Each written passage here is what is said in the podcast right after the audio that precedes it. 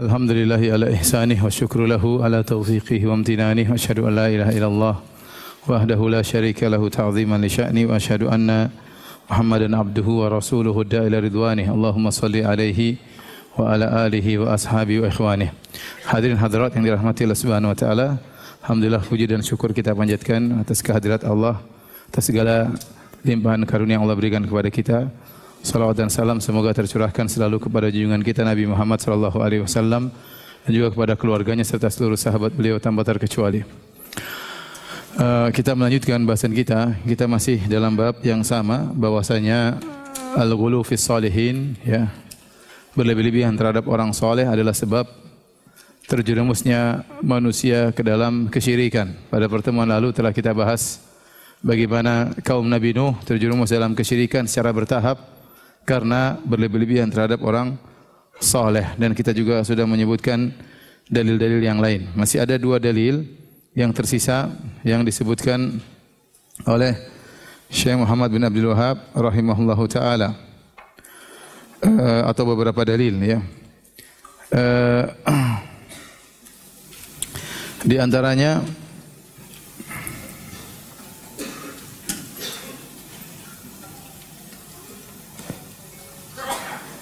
Nabi sallallahu alaihi wasallam bersabda iyyakum wal ghulu fa innama ahlaka man kana qablakumul ghulu hati-hatilah kalian dengan sifat berlebih-lebihan karena yang telah membinasakan kalian telah membinasakan umat-umat sebelum kalian adalah sifat al-ghulu ya Hadis sebelumnya sudah dibaca belum? La tutruni kama atratin nasara bin Maryam. Sudah ya.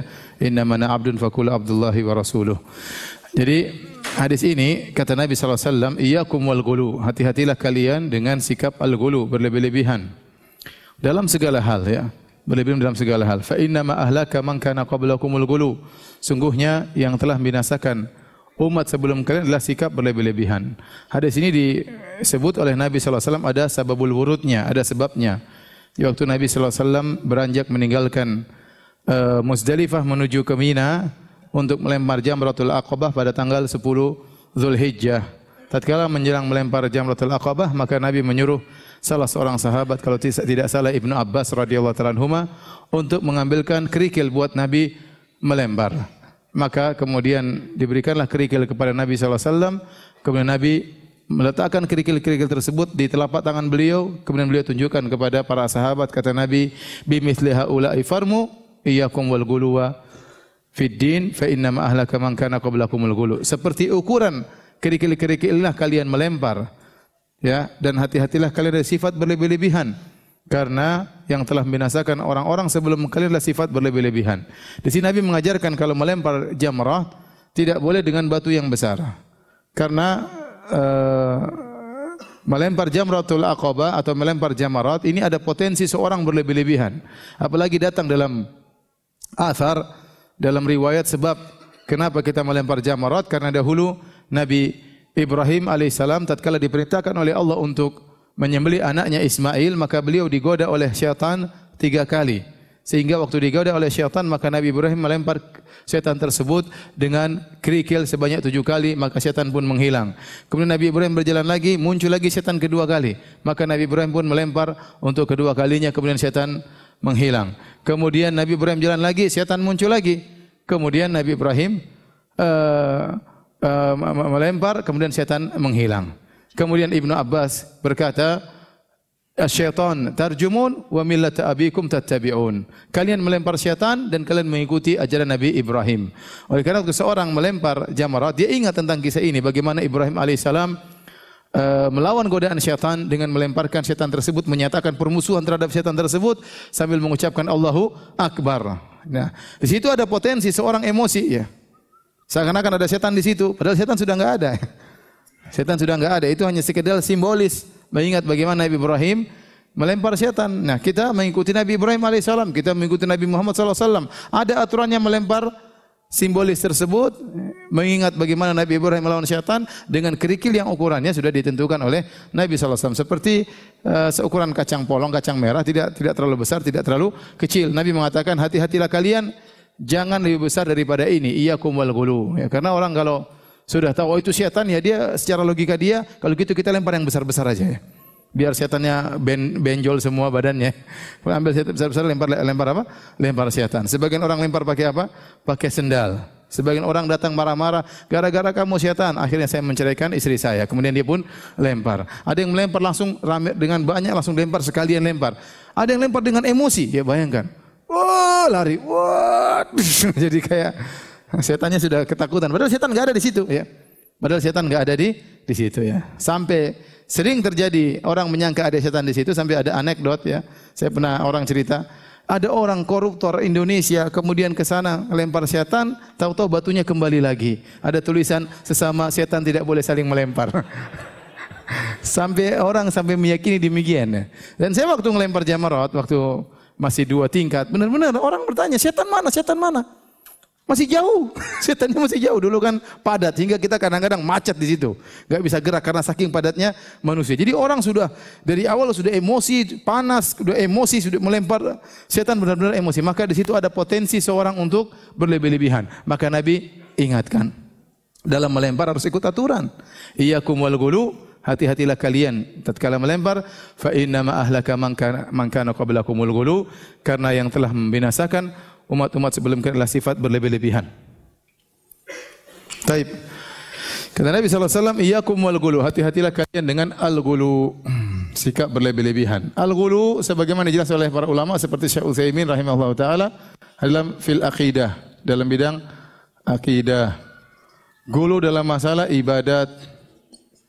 Gulu dalam masalah muamalah. Gulu dalam masalah adat istiadat, tradisi. Ini kemungkinan-kemungkinan terjadi gulu. Gulu dalam akidah banyak, nanti akan kita jelaskan. Gulunya Mu'tazilah, gulunya para penolak sifat, gulunya musyabbihah, para yang menyatakan sifat Allah sama dengan sifat makhluk, akan kita jelaskan insyaallah. Kemudian gulu dalam ibadat seperti uh, cita-cita uh, tiga orang sahabat yang ingin beribadah berlebih-lebihan. Waktu mereka bertanya kepada sebagian istri Nabi tentang bagaimana ibadah Nabi SAW, faka'annahum taqalluha. Mereka menganggap Nabi ibadahnya enggak terlalu banyak ya. Kata mereka, Nabi sudah diampuni dosa-dosa yang telah lalu dan akan datang. Secara logika kalau begitu Nabi ibadahnya segitu karena sudah diampuni dosa-dosa yang telah lalu dan akan datang. Kita yang dosa-dosanya enggak jelas, maka kita harus beribadah lebih lebih banyak. Maka ada yang satu berkata, ini sa'asum wala uftir, saya akan puasa terus dan saya tidak akan berbuka. Yang satu mengatakan, sa'usalli wala anam, saya akan solat malam terus dan aku tidak akan tidur. Yang satu berkata, saat tazilun nisa, saya tidak akan menikah supaya bisa konsen apa? Ibadah. Karena kalau punya istri terganggu, ya susah untuk apa? Ibadah. Istri satu terganggu, apalagi istri empat lebih terganggu, terganggu lagi.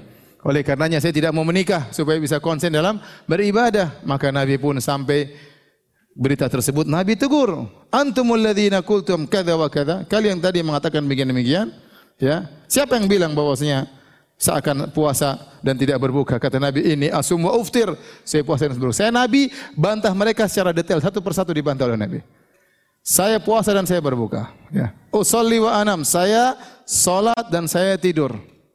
Wa atazawwajun nisa dan saya menikahi para wanita. Nabi bantah satu persatu. Setelah itu Nabi tutup lagi dengan bantahan yang keras. Faman raghiba an sunnati falaysa minni. Barang siapa yang benci dengan sunnahku bukan dari golonganku. Maka ini bentuk apa namanya berlebih-lebihan dalam masalah peribadatan. Contoh nyata adalah orang khawarij beribadah berlebih-lebihan, ya karena kejahilan sampai Nabi katakan tahkiruna salatakum ma'a salatihim wa.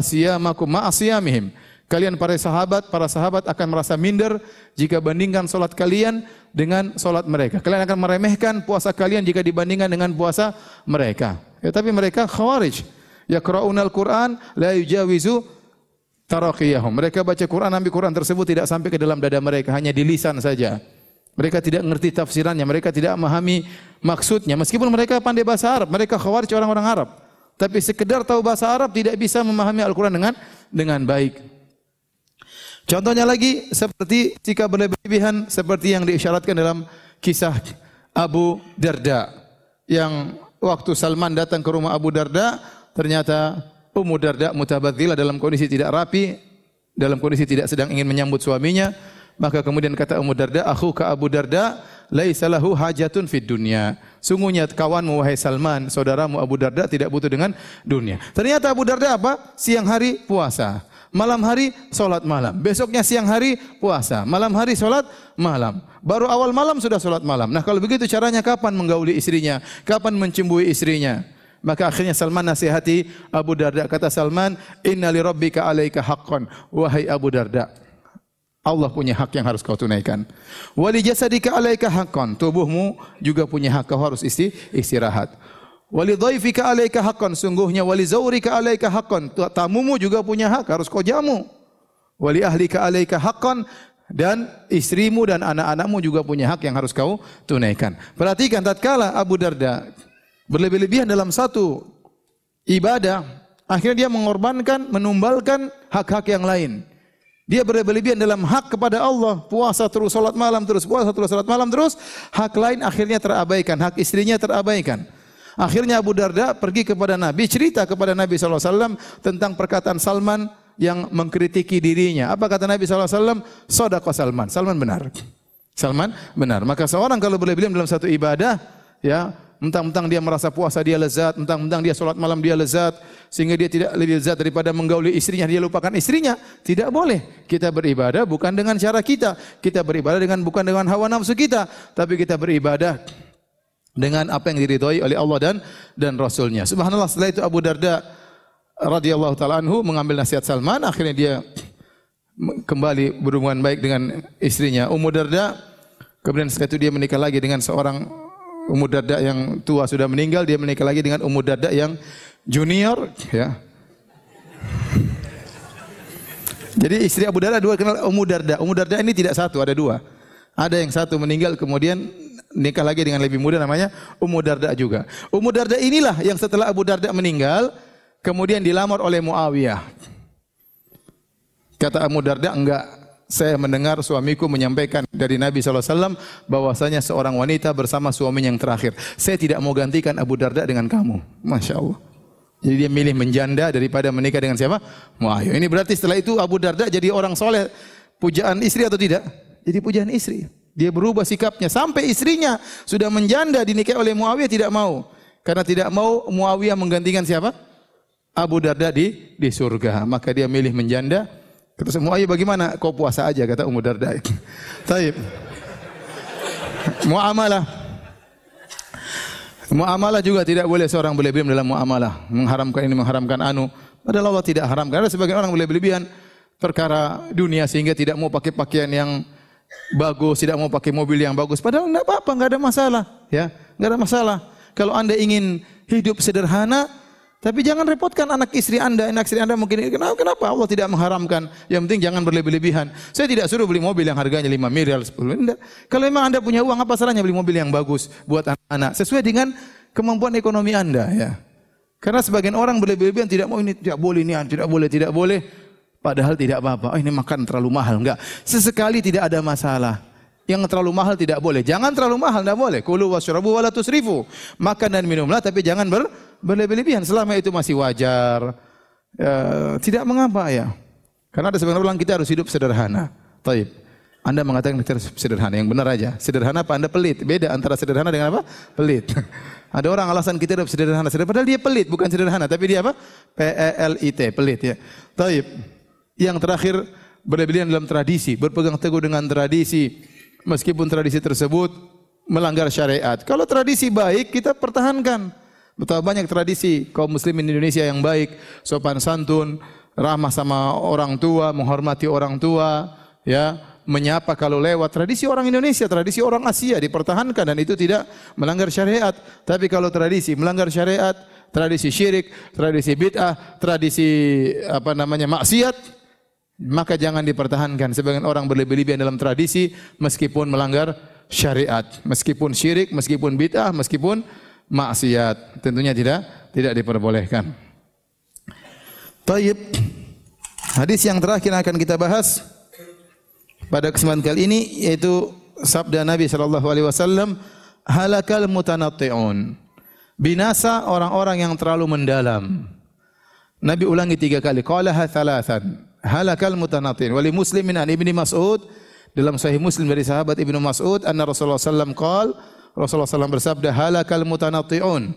Binasa orang yang terlalu berdalam-dalam. Nabi ucapkan tiga kali. Binasa orang terlalu berdalam-dalam. Binasa yang terlalu berdalam-dalam. Mutanati atau tanatto ini salah satu dari bentuk gulu ya. Di antara bentuk gulu berlebih-lebihan, di antara bentuk berlebih-lebihan adalah terlalu berdalam-dalam. Terlalu berdalam-dalam ya. Eh, Nabi melarang seorang terlalu takalluf berdalam-dalam dalam sesuatu yang keluar dari batasan. Contoh sebagian ahlul bidah mereka membahas Allah terlalu dalam sehingga akhirnya begitu mendalam-dalam akhirnya mereka menolak sifat-sifat Allah Subhanahu wa taala. Ya, sebagaimana ahlul qadar waktu disebutkan uh, dalam hadis sahih Muslim tentang Ma'bad al-Juhani, maka yang menceritakan tentang kisah Ma'bad al-Juhani yang muncul di Basrah, bahwasanya mereka yataqaruna fil ilm, yaitu mereka berdalam-dalam masalah ilmu. Tetapi ilmu yang mereka dalam-dalami tersebut ternyata berlebih-lebihan berkaitan dengan takdir Allah Subhanahu wa taala. Sehingga mereka menggunakan analogi-analogi akhirnya terlalu berdalam-dalam membahas tentang takdir Allah akhirnya mereka menolak takdir Allah Subhanahu wa taala. Maka seorang kalau membahas sesuatu jangan terlalu berdalam-dalam berlebih-lebihan melampaui batas. Akhirnya kalau terlalu berlebih-lebihan bicara terkadang menggunakan bahasa-bahasa yang terlalu keren-keren, terlalu canggih-canggih ya. Akhirnya timbul apa? Timbul ujub. Timbul apa? Timbul ujub. Bangga dengan cara bicaranya, bangga dengan dia mendatangkan kalimat-kalimat asing ya. Saya dulu pernah ikut pengajian, ada seorang mahasiswa tanya kepada seorang ustadz. Pertanyaannya dari awal sampai akhir saya tidak paham. Kenapa dia menggunakan bahasa-bahasa yang susah? Ya kita datang dari kampung dari Papua dengar bahasa gini, bahasa apa? Ustaznya juga bingung menjawab ya. Ustaznya juga dari kampung ya. Terus pertanyaannya terlalu susah dengan bahasa-bahasa asing, bahasa terlalu modern. Buat apa ente? Ente bicara depan orang biasa. Kecuali kalau Anda di depan mahasiswa yang paham tentang bahasa-bahasa seperti bahasa-bahasa modern, silakan. Tapi kalau kita berbicara depan orang umum, ngapain kita menggunakan taqaur fil kalam, bahasa-bahasa yang terlalu yang terlalu tinggi? Apa maksud Anda? Anda ingin menunjukkan Anda orang berwawasan luas. Anda maksudnya apa ya? Berbicara dengan kemampuan nalar orang yang kita ajak ajak bicara. Jadi di antara bentuk uh, gulu adalah tanattu berlebih-lebihan terlalu mendalam dalam sesuatu di luar batasan. Tapi hadirin dan hadirat yang Allah Subhanahu wa taala uh, pada kesempatan kali ini kita akan menyebutkan tentang perbandingan antara ahlu sunnah dengan kelompok-kelompok yang gulu ya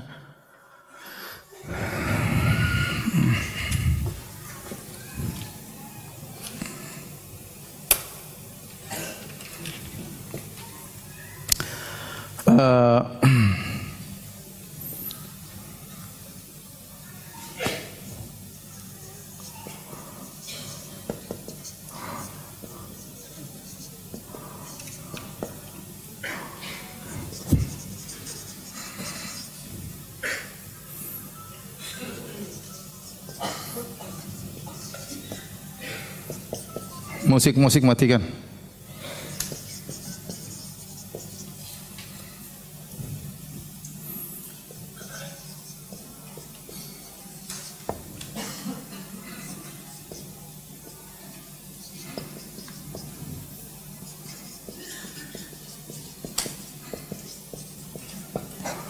Baik ikhwan, kita akan uh, menyebutkan beberapa model yang berkaitan dengan al-ghulu. Ya, kalau saya boleh judul ya uh, apa namanya? model-model manusia dalam agama.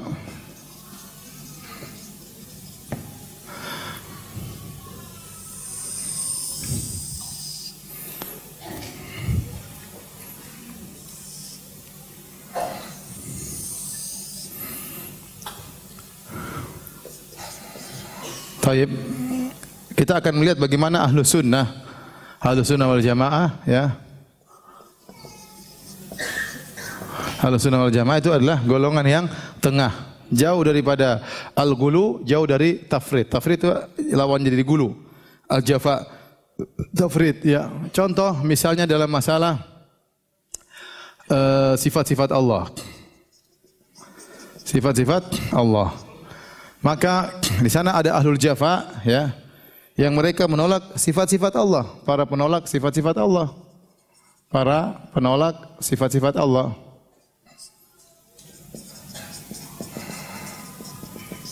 Sifat Allah seluruhnya atau sebagiannya. Seluruhnya seperti seperti Jahmiyah dan Mu'tazilah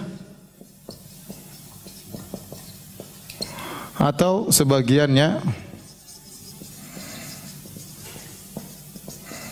seperti uh,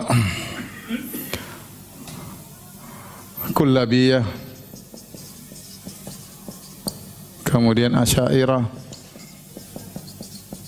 Maturidiyah Mereka menolak sifat-sifat Allah, berlebih-lebih kurang dalam menetapkan sifat. Tidak mau menetapkan sifat Allah. Ada yang menolak seluruhnya. Kalau saya tetapkan sifat Allah, nanti Allah sama dengan makhluk, maka saya tolak semuanya. Inilah sifat Jahmiyah dan Mu'tazilah. Ada yang menolak hanya sebagian, menolak sifat-sifat fi'liyah, menetapkan sifat-sifat zatiyah seperti golongan uh, kullabi. Ada lebih parah lagi Asy'ariyah mutaakhirin hanya menetapkan sebagian sifat-sifat dzatiyah. Ini pembahasan panjang saya hanya sekedar tujuan yang beri isyarat. Ada yang berlebih-lebihan seperti golongan musyabbihah. Musyabbihah menyatakan sifat Allah sama dengan sifat manusia. Tangan Allah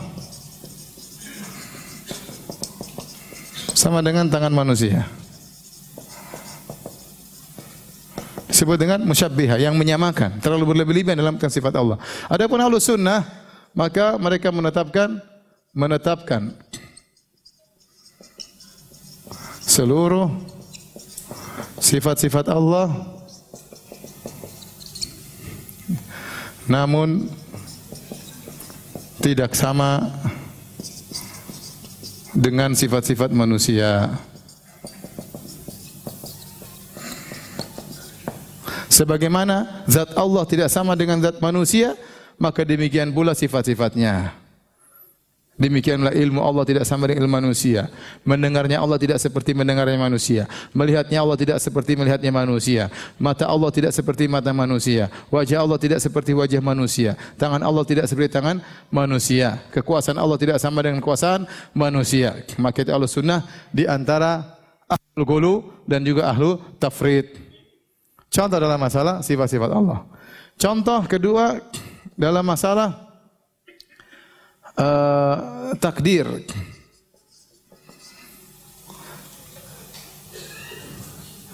Ada namanya golongan Qadariyah. Seperti Mu'tazilah, Syiah dan lainnya. Mereka apa? Menolak takdir. Ya. Kata mereka bahwasanya perbuatan hamba tidak ditakdirkan oleh Allah Subhanahu wa taala. Allah tidak menciptakan perbuatan hamba. Mereka menolak takdir. Kata mereka, masa ada keburukan? Masa Allah menciptakan keburukan? Manusia melakukan kemaksiatan. Kalau gitu tidak mungkin Allah menciptakan keburukan. Tidak mungkin Allah menolak keburukan. Kalau gitu mereka menolak apa? Takdir. Namanya apa? Kodah? Kodaria. Ini ada perincian Kodaria yang gulat, yang berlebih ekstrim. Ada Kodaria yang tidak ekstrim. Ini nanti ada bahasanya suatu saat. Ini sekedar saya kasih kasih gambaran saja. Jadi mereka mereka menolak ya uh, menolak bahwa mereka menyatakan mereka menyatakan kehendak makhluk manusia bebas dari kehendak Allah.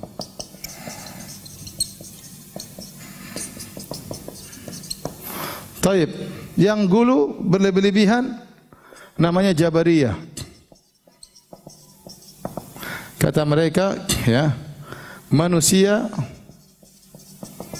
tidak punya kehendak.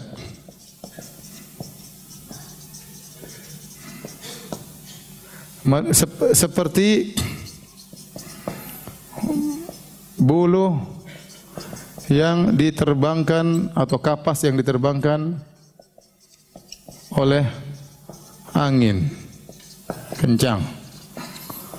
Kata mereka, ibarat bulu atau e, kapas diterbangkan oleh angin kencang. Kapas ini nggak bisa apa-apa. Dia hanya berjalan menurut kehendak siapa? angin tersebut. Kata mereka manusia demikian, manusia tidak punya kehendak. Maka manusia itu hanya ikut kehendak Allah Subhanahu wa taala. Semua yang mereka lakukan, mereka tidak bisa menentukan, mereka tidak punya kehendak sama sama sekali, ya. Sehingga mereka terkadang mengatakan seperti bulu yang berterbangan di uh, angin yang berhembus atau mereka memang seperti seorang yang uh, gemetar dia tidak bisa mengontrol dirinya. Eh, seperti itu kira-kira gambarannya. Itu namanya jabariyah, ya. Mereka menolak kehendak Allah. Dan Jabariyah ada dua, ada namanya Gulatul Jabariyah, ada yang Jabariyah Asy'ariyah. Nanti akan kita bahas pada waktunya. Adapun Ahlu Sunnah, mereka menetapkan kehendak bagi manusia. Manusia punya kehendak. Akan tetapi kehendak manusia itu diatur atau di bawah kehendak Allah.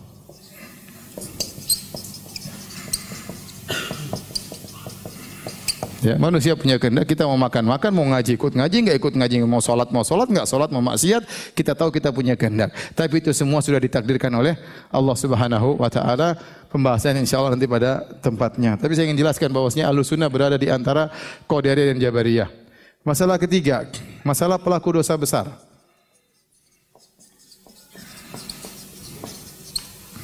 Maka menurut Murji'ah pelaku dosa besar, pelaku dosa besar imannya sempurna. Kenapa mereka mengatakan demikian? Ini pembahasannya ada insya Allah nanti. Kemudian sebaliknya Khawarij menyatakan pelaku dosa besar kafir. Pelaku dosa besar apa? Ka? Kafir. Mu'tazilah apa? Mu'tazilah pelaku dosa besar tidak beriman. Namun di fi manzilah baina manzilatain di manzilah baina manzilatain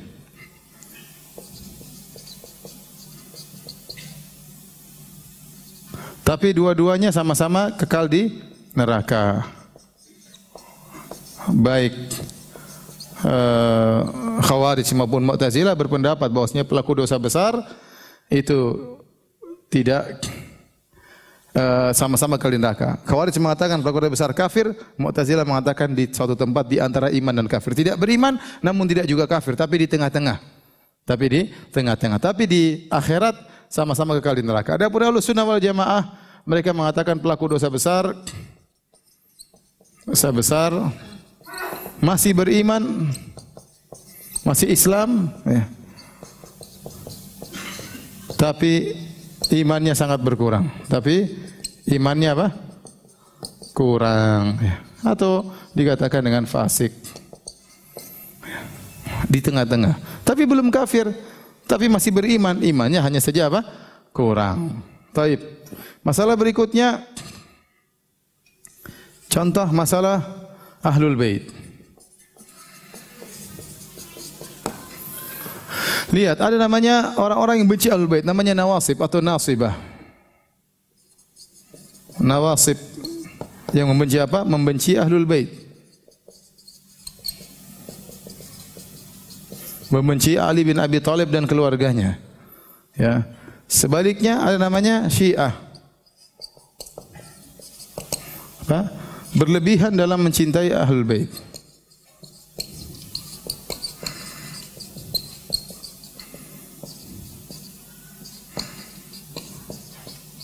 Yang ekstrim antara mereka mengatakan Ahlul Bait maksum. Di ekstrim mengatakan yang ekstrim antara mereka mengatakan Ahlul Bait pasti masuk apa? Surga. Orang Syiah mengatakan imam mereka maksum sebagaimana Nabi juga apa? Maksum ya. Ini berlebihan terhadap Ahlul Bait. Ya, kemudian mereka ya mengkafirkan para sahabat. Adapun Ahlus Sunnah wal Jamaah mencintai Ahlul Bait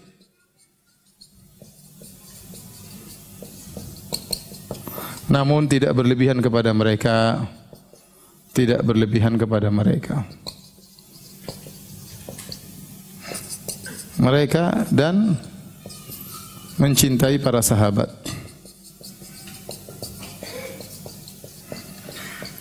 Adapun orang-orang Syiah, mereka menyangka dalam otak mereka kalau mencintai Ahlul Bait mengkonsekuensikan mengkafirkan para sahabat. Tidak mungkin digabungkan antara mencintai Ahlul Bait dengan mencintai sahabat. Itu enggak mungkin dalam otak mereka. Sehingga mereka meyakini kalau mau benar-benar cinta kepada Ahlul Bait harus benci kepada apa? Sahabat. Itulah otak mereka. Ya, itulah otak mereka. Itu kesalahan. Ahlu sunnah menjelaskan tidak ada kontradiksi antara mencintai ahlul bait dengan mencintai para para sahabat. Kita cinta kepada sahabat, kita cinta kepada ahlul ahlul bait. Ya, ya. Dan ini sama saya saya katakan seperti logikanya orang-orang Nasara. Mereka mengatakan kalau kita beriman kepada Isa, kita harus kufur kepada Muhammad. Beriman kepada Isa harus kufur kepada Muhammad. Orang Islam tidak. Kita beriman kepada Muhammad dan kita beriman kepada Isa. Tidak ada kelaziman kalau beriman kepada Isa berarti harus kafir kepada Muhammad sebagaimana yang disangkakan oleh orang-orang Nasara. Demikian itu kira-kira orang Syiah demikian. Kalau cinta kepada Ahlul Bait harus benci kepada sahabat, harus mengkafirkan mereka. Itu tidak ada kelaziman. Baik, maka di sini Ahlu Sunnah juga di tengah-tengah antara orang Syiah dan antara Nawasib. Kemudian yang kelima, contoh dalam masalah Nabi Shallallahu Alaihi Wasallam. Maka saya katakan ada orang-orang yang merendahkan Nabi.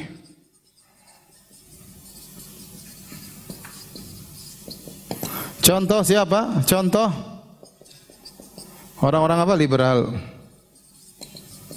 Liberal yang menyatakan bahwasanya jangan kalian pakai syariat Muhammad. Syariat Muhammad itu hanyalah berlaku di zaman 1400 tahun yang lalu. Dia hanya menerjemahkan Al-Quran yang sesuai dengan terjemahan di zaman dia. Sekarang zaman sudah berubah. Kita harus berisihat untuk membuat hukum-hukum baru. Ya, ini namanya membuang, mengexpiredkan ajaran Rasulullah sallallahu alaihi wasallam. Nabi wasallam adalah seorang rasul. Contoh merendahkan Nabi adalah orang-orang sufi yang ekstrim. Sampai mereka di, mengatakan tentang masalah perwalian, mereka berkata, "Fauqa an-nubuwah, eh, maqamun nubuwah fi barzakhin."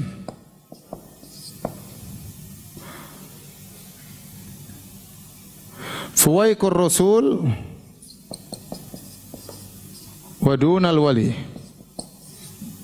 Kata mereka, kedudukan kenabian adalah barzakh di perantara. Di atas kerasulan, di bawah kewalian. Jadi kalau mereka bikin urutan, wali, nabi, berapa?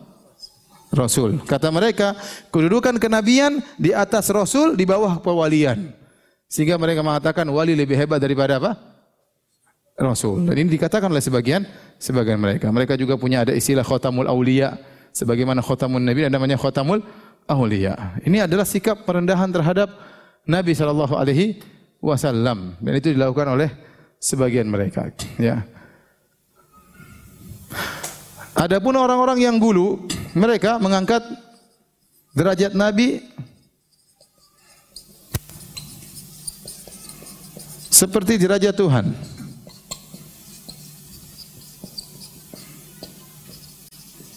Sudah kita sebutkan contohnya siapa? Perkataan siapa? Al-Busiri. Dia mengatakan, ya, ya apa namanya? Akramal khalqi mali aludhu bihi siwaka inda hululil hadithil amami ya. Dia mengatakan wahai makhluk yang sangat mulia, Siapa yang bisa aku berlindung kepadanya tatkala terjadi terjadi musibah yang merata ya, selain engkau. Jadi menurut dia kalau ada musibah besar siapa yang harus dia berpegang untuk yang minta perlindungan yaitu Nabi Muhammad wasallam. Ini syirik atau bukan? Syirik. Seorang terkena musibah minta perlindungan kepada Allah Subhanahu wa taala. Dia juga berkata, "Wa inna min judika dunya wa dharrataha wa min ulumika ilmal lauhi wal qalami." Dia yang mengatakan, "Wahai Muhammad, sungguhnya di antara kedermawananmu adalah dunia dan akhirat. Dan di antara ilmumu adalah ilmu lauhil mahfuz.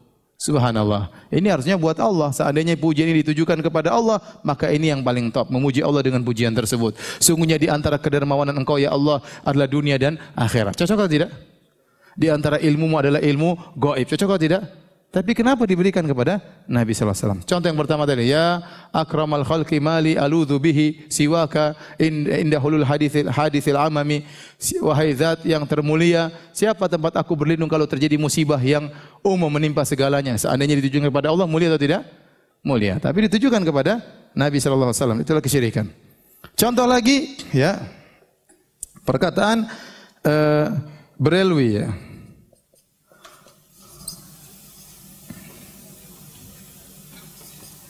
Ini enggak ada di Indonesia, tapi kalau di orang-orang India, Pakistan, Bangladesh banyak, sering ada di Madinah. Mereka kerja di Madinah, mereka orang berelwi.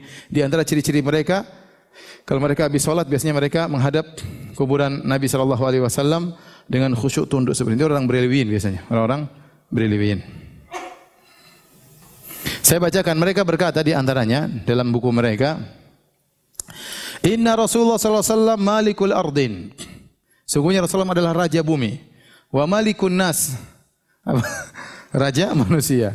Wa malikul umam dan raja seluruh umat. Wa malikul khalaiq dan raja seluruh makhluk.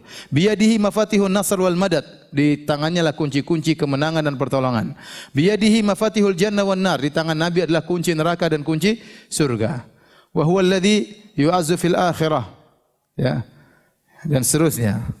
Kata dia wa huwa alladhi Yakshiful kurub, dialah yang telah menghilangkan segala penderitaan. Wa yadfa'ul bala, dialah yang telah menolak segala bencana. Wa huwa hafizun li ummatihi, dan dia yang telah menjaga umatnya. Nasirun laha, yang menolong umatnya. Ilaihi turfa'ul aidi bil istijda. Apa sini saya enggak tahu. Yaitu minta pertolongan ya. Uh, dengan mengangkat kedua tangannya kita minta pertolongan kepada Nabi sallallahu alaihi wasallam. Gimana Nabi menolong umatnya sementara dalam perang Uhud Nabi apa ter terluka. Ya, ini berlebihan. Bayangkan Malikin Nas katanya siapa? Nabi sallallahu alaihi wasallam. Kemudian dia juga berkata, "Inna Rasulullah sallallahu alaihi wasallam huwal mubri' minas saqam wal alam."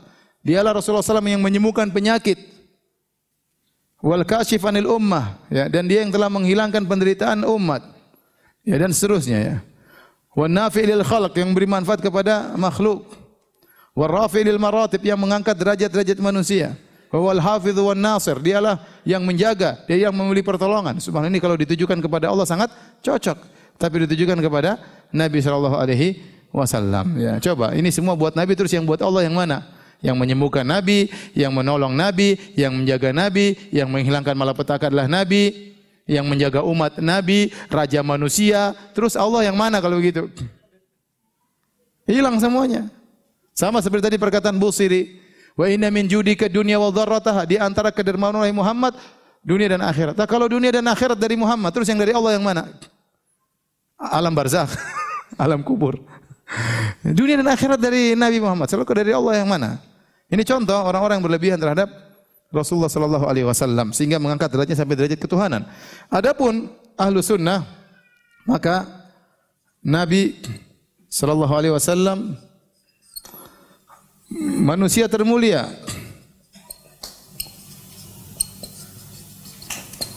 Termulia akan tetapi beliau bukanlah apa? Bukanlah Tuhan. Taib. Yang terakhir enam terhadap orang-orang soleh.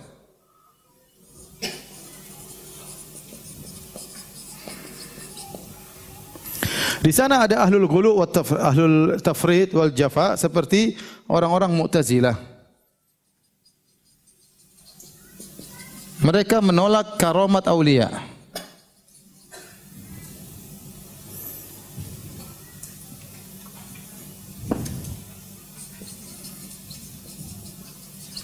Karomah para wali. Kata mereka, kalau wali punya karomah maka wali seperti nabi, ya. Ya, nah, wali seperti apa? Nabi. Dan kita bantah bahwasanya para wali punya karomah dan mereka tidak pernah mengaku sebagai seorang apa? Nabi. Kalau karena menurut Mu'tazilah apa bedanya karomah dengan mukjizat? Sama-sama suatu perkara yang aneh. Jawabannya para nabi waktu ada mukjizat mereka untuk membuktikan mereka adalah nabi. Adapun para wali tatkala mereka punya karomah karena mereka mengikuti ajaran apa? Nabi dan mereka tidak pernah mengaku sebagai sebagai nabi. Oleh karenanya banyak karomah. Bagaimana karomahnya Umar, bagaimana karomahnya Abu Bakar, bagaimana karomahnya sebagian para sahabat, bagaimana Khalid bin Walid minum racun kemudian tidak tidak mati, bagaimana sebagian sahabat kemudian dengan kuda mereka berjalan di atas lautan. Ya, dan banyak karomah-karomah para bagaimana Umar waktu dia sedang berkhutbah, tiba-tiba dari kejauhan dia melihat pasukannya sedang terdesak, maka dia mengatakan, "Ya Sariyatu al-Jabal, ya Sariyatul Jabal, wahai Sariyah, hendaknya kau berlindung di gunung." Padahal jarak antara pasukan dengan Umar jarak sebulan perjalanan. Ternyata sampai di sana pasukannya Umar dengar ada suara Umar sehingga mereka pun pergi ke gunung. Bukan pakai telepon waktu itu ya, enggak. Enggak pakai WhatsApp enggak. Ini menunjukkan karomah daripada dari Allah Subhanahu wa taala. Bagaimana karomahnya Umar? Kalau setan ketemu, setan kabur, ya. Ma salakta, ma salaka syaitan, ya, ma salakta apa namanya? uh, masalah syaitan fajjan illa salaka fajjan ghairu fajjik ya. Ya, tidaklah engkau melewati suatu jalan, Umar melewati suatu jalan, masalah tasalikan tidak kau eh, fajjan illa salaka syaitan fajjan ghairu fajjik. Tidaklah kau melewati suatu jalan kecuali syaitan akan mencari jalan yang lain. Jadi kalau Umar lewat di Al-Fattah, syaitan akan kabur. Kalau kita mungkin jalan di Al-Fatah, syaitan malah mendekat. Ini kita ganggu nih, eh, biar enggak sholat. Umar jalan ke mana, syaitan kabur, bayangkan. Karomah atau bukan? karomah. Jadi para wali punya karomah. Adapun orang-orang sufi yang berlebihan ya menetapkan karomah berlebih-lebihan.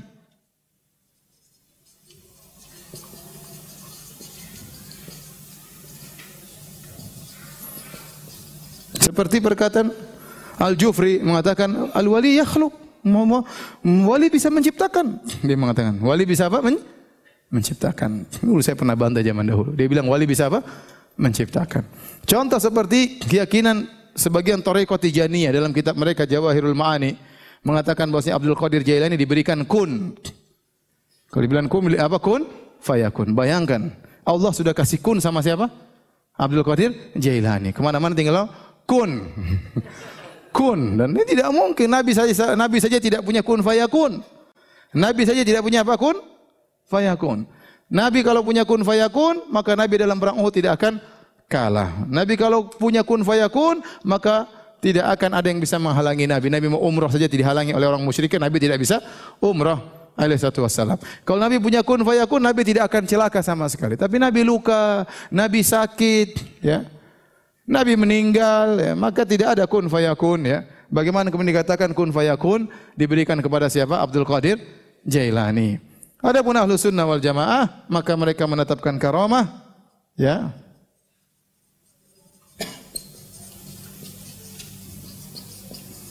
Namun tidak berlebihan. Taib. Di antara bentuk perendahan terhadap orang-orang soleh, ya. Di antaranya mengangkat orang-orang gila sebagai wali. Bayangkan. Bukankah orang-orang soleh atau wali itu orang-orang mulia atau tidak? Orang mulia. Bagaimana anda mengangkat orang gila sebagai apa? Sebagai wali.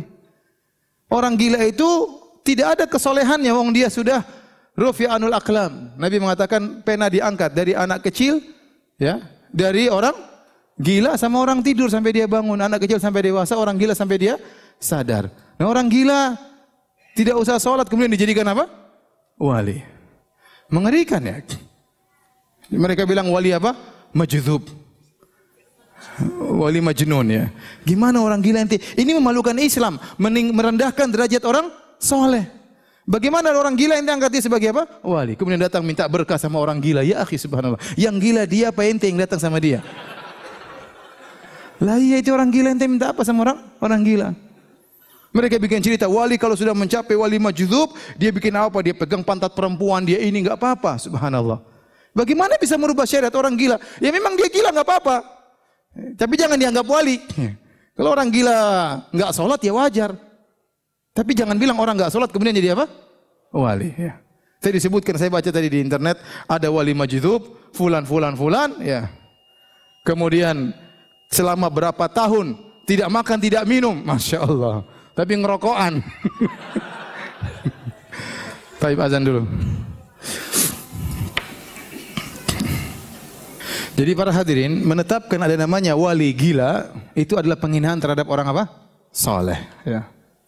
Gimana? Apalagi dikatakan wali gila itu lebih hebat daripada yang rajin sholat. Eh, gila ya, subhanallah. Saya tanya, siapa yang lebih hebat daripada Abu Bakar? Yang walinya lebih hebat dari Abu Bakar. Siapa yang perwaliannya lebih hebat daripada Nabi SAW? Siapa yang kewaliannya lebih hebat daripada Umar bin Khattab yang kalau setan ketemu kabur? Apakah Umar pernah gila, pernah sinting, pernah maksiat ke sana sini? Ya. Apakah Abu Bakar demikian? Lihat Abu Bakar kalau sholat sampai menangis. Sampai waktu Nabi SAW sakit, Abu Bakar untuk kata Nabi muru Abu Bakar liyusalli bin nas, suruh Abu Bakar menjadi imam. Maka Aisyah berkata, ya Rasulullah Abu Bakar itu kalau menangis, kalau solat menangis. Jangan jadi imam, nanti enggak kedengaran. Begitu uh, hatinya yang begitu lembut sehingga mudah menangis. Ya. Siapa yang lebih wali daripada Ali bin Abi Thalib? Apakah Ali bin Abi Thalib pernah gila? Orang gila itu dikasihani. Ya, dirawat kalau enggak dikarantina kalau memang mengganggu. Ini bukan datangi dicium-cium kakinya, ya. Sampai kemudian duduk, pahanya kelihatan, auratnya kelihatan, tidak pakai baju. Wali dalam kondisi ini wali seperti apa ini? Memalukan. Orang soleh seperti ini. Ya, kasihan ini orang gila. Ini jangan angkat dia menjadi apa? Wali. Ya. Ini wali, wali subhanallah. Orang datang ngantri, cium tangan sama wali majnun ya. Ya subhanallah. Ini bentuk penghinaan terhadap orang-orang soleh ya. Maka ahlu sunnah wal jamaah menetapkan karomah ya bagi para wali namun tidak berlebih-lebihan mengangkat derajat mereka atau menghinakan mereka. Adapun orang-orang yang berlebihan terhadap para wali yang sampai menyembah mereka, mengangkat derajat mereka berlebihan, maka tentunya tidak diperbolehkan. Antum lihat dari sini semua bagaimana ahlu sunnah, ahlul wasat di tengah-tengah, tidak gulu dan juga tidak al-jafa. Ya, ahlu sunnah berada di antara dua kelompok yang berlebihan ataupun yang kurang. Wallahu taala bisawab. Kalau ada yang bertanya saya persilahkan.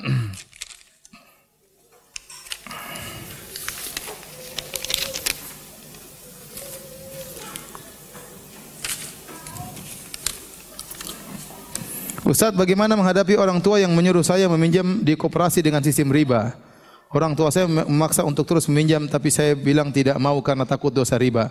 Dan saya sudah menjelaskan kepada orang tua saya tentang bahaya dosa riba tapi tidak dihiraukan. Mohon nasihatnya. Sabar. Jangan ambil riba. La ta'ata li makhlukin fi ma'siyatil khaliq. Tidak ada ketaatan kepada makhluk dalam rangka bermaksiat kepada Allah Subhanahu wa taala. Orang tua kalau menyuruh kita berbuat maksiat maka jangan kita taati namun kita harus tetap berbuat baik kepada mereka. Wa in jahadaka ala an tusyrika bima laysa laka bi'ilm fala tuti'huma wa sahibuhuma fid dunya ma'rufa. Kalau mereka berdua menyuruhmu untuk berbuat kesyirikan, maka jangan taatlah kepada mereka kedua orang tua tetapi wasahibuhuma fid dunya ma'rufa. Pergaulilah mereka dengan cara yang yang baik. Maka tidak yang bisa kita lakukan kecuali nasihati orang tua dengan cara yang baik. Jelaskan riba itu tidak boleh riba itu haram dosa besar ya. Orang tua marah-marah nangis-nangis jangan diikuti. Tetap kita jawab dengan baik dan jangan ambil riba. Ustaz, apa hukumnya menghadiri sebuah acara yang menggunakan pawang hujan supaya mensukseskan acara tersebut? Ya.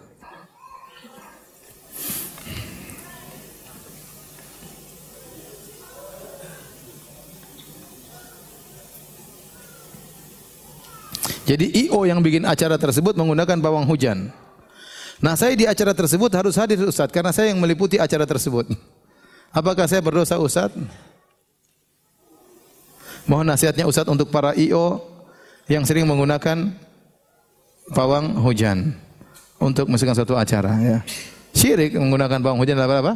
Kesyirikan. Jangan menghadiri acara-acara yang ada kesyirikan. Kalau sudah terjadi istighfar kepada Allah Subhanahu wa taala. Lain kali jangan hadir acara-acara seperti ini. Ya seakan-akan kita ikut setuju dengan acara-acara kesyirikan seperti itu ya. Karena pawang hujan hukumnya adalah syirik.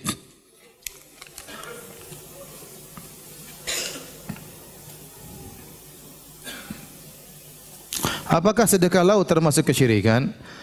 Seandainya sedekah laut atau sajian itu diserahkan kepada selain Allah, kepada ruh-ruh, kepada penjaga laut, kepada jin pengatur laut, maka ini jelas syirik akbar. Ya, syirik akbar sampai menyembelih kerbau untuk mereka. Ini syirik akbar. Tapi kalau mereka mengatakan, "Oh, ini sedekah tidak kami serahkan kepada ruh, tidak kepada jin, tidak kepada penghuni uh, laut selatan, ya, tapi ini kami sedekahkan kepada ikan-ikan karena Allah Subhanahu wa taala." Yang bilang ikan-ikan suka makan kepala kebo siapa ya? Masih banyak manusia yang butuh kepala kebo, ngapain dikasih kepada ikan? Ikan Allah kasih makan, nanti ngapain sedekah sama sama ikan? Ya, ada-ada aja ya. ya.